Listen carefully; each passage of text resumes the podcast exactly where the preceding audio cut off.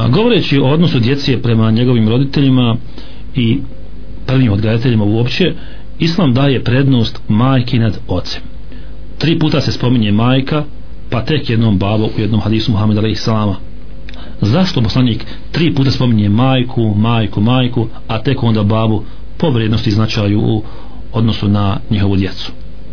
Iako otac kao e, glava u porodici ima više odgovornosti za odgoj svoje djece nego majka islam e, kada je u pitanju dobročinstvo ili podnos veću pažnju e, pridaje majici i veće pravo daje majici prije svega kao što je poznato majka nosi to dijete kao što spominje u Koranu e, sa raznim poteškoćama nosi ga 9 mjeseci e, samo rađanje ovaj, mukotrpno tako dalje prve godine e,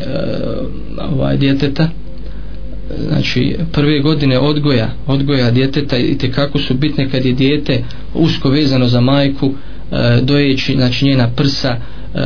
hrani se njenim mlijekom to i te kako znači ovaj utiče da da majke imaju veće mjesto kod nas i da im veću pažnju pridajemo. I na, uglavnom otac je više odsutan od kuće, naravno u prvim godinama odgoja djeteta ima manje kontakta s djetetom, najveću, najveći teret odgoja u prvim godinama ima majka.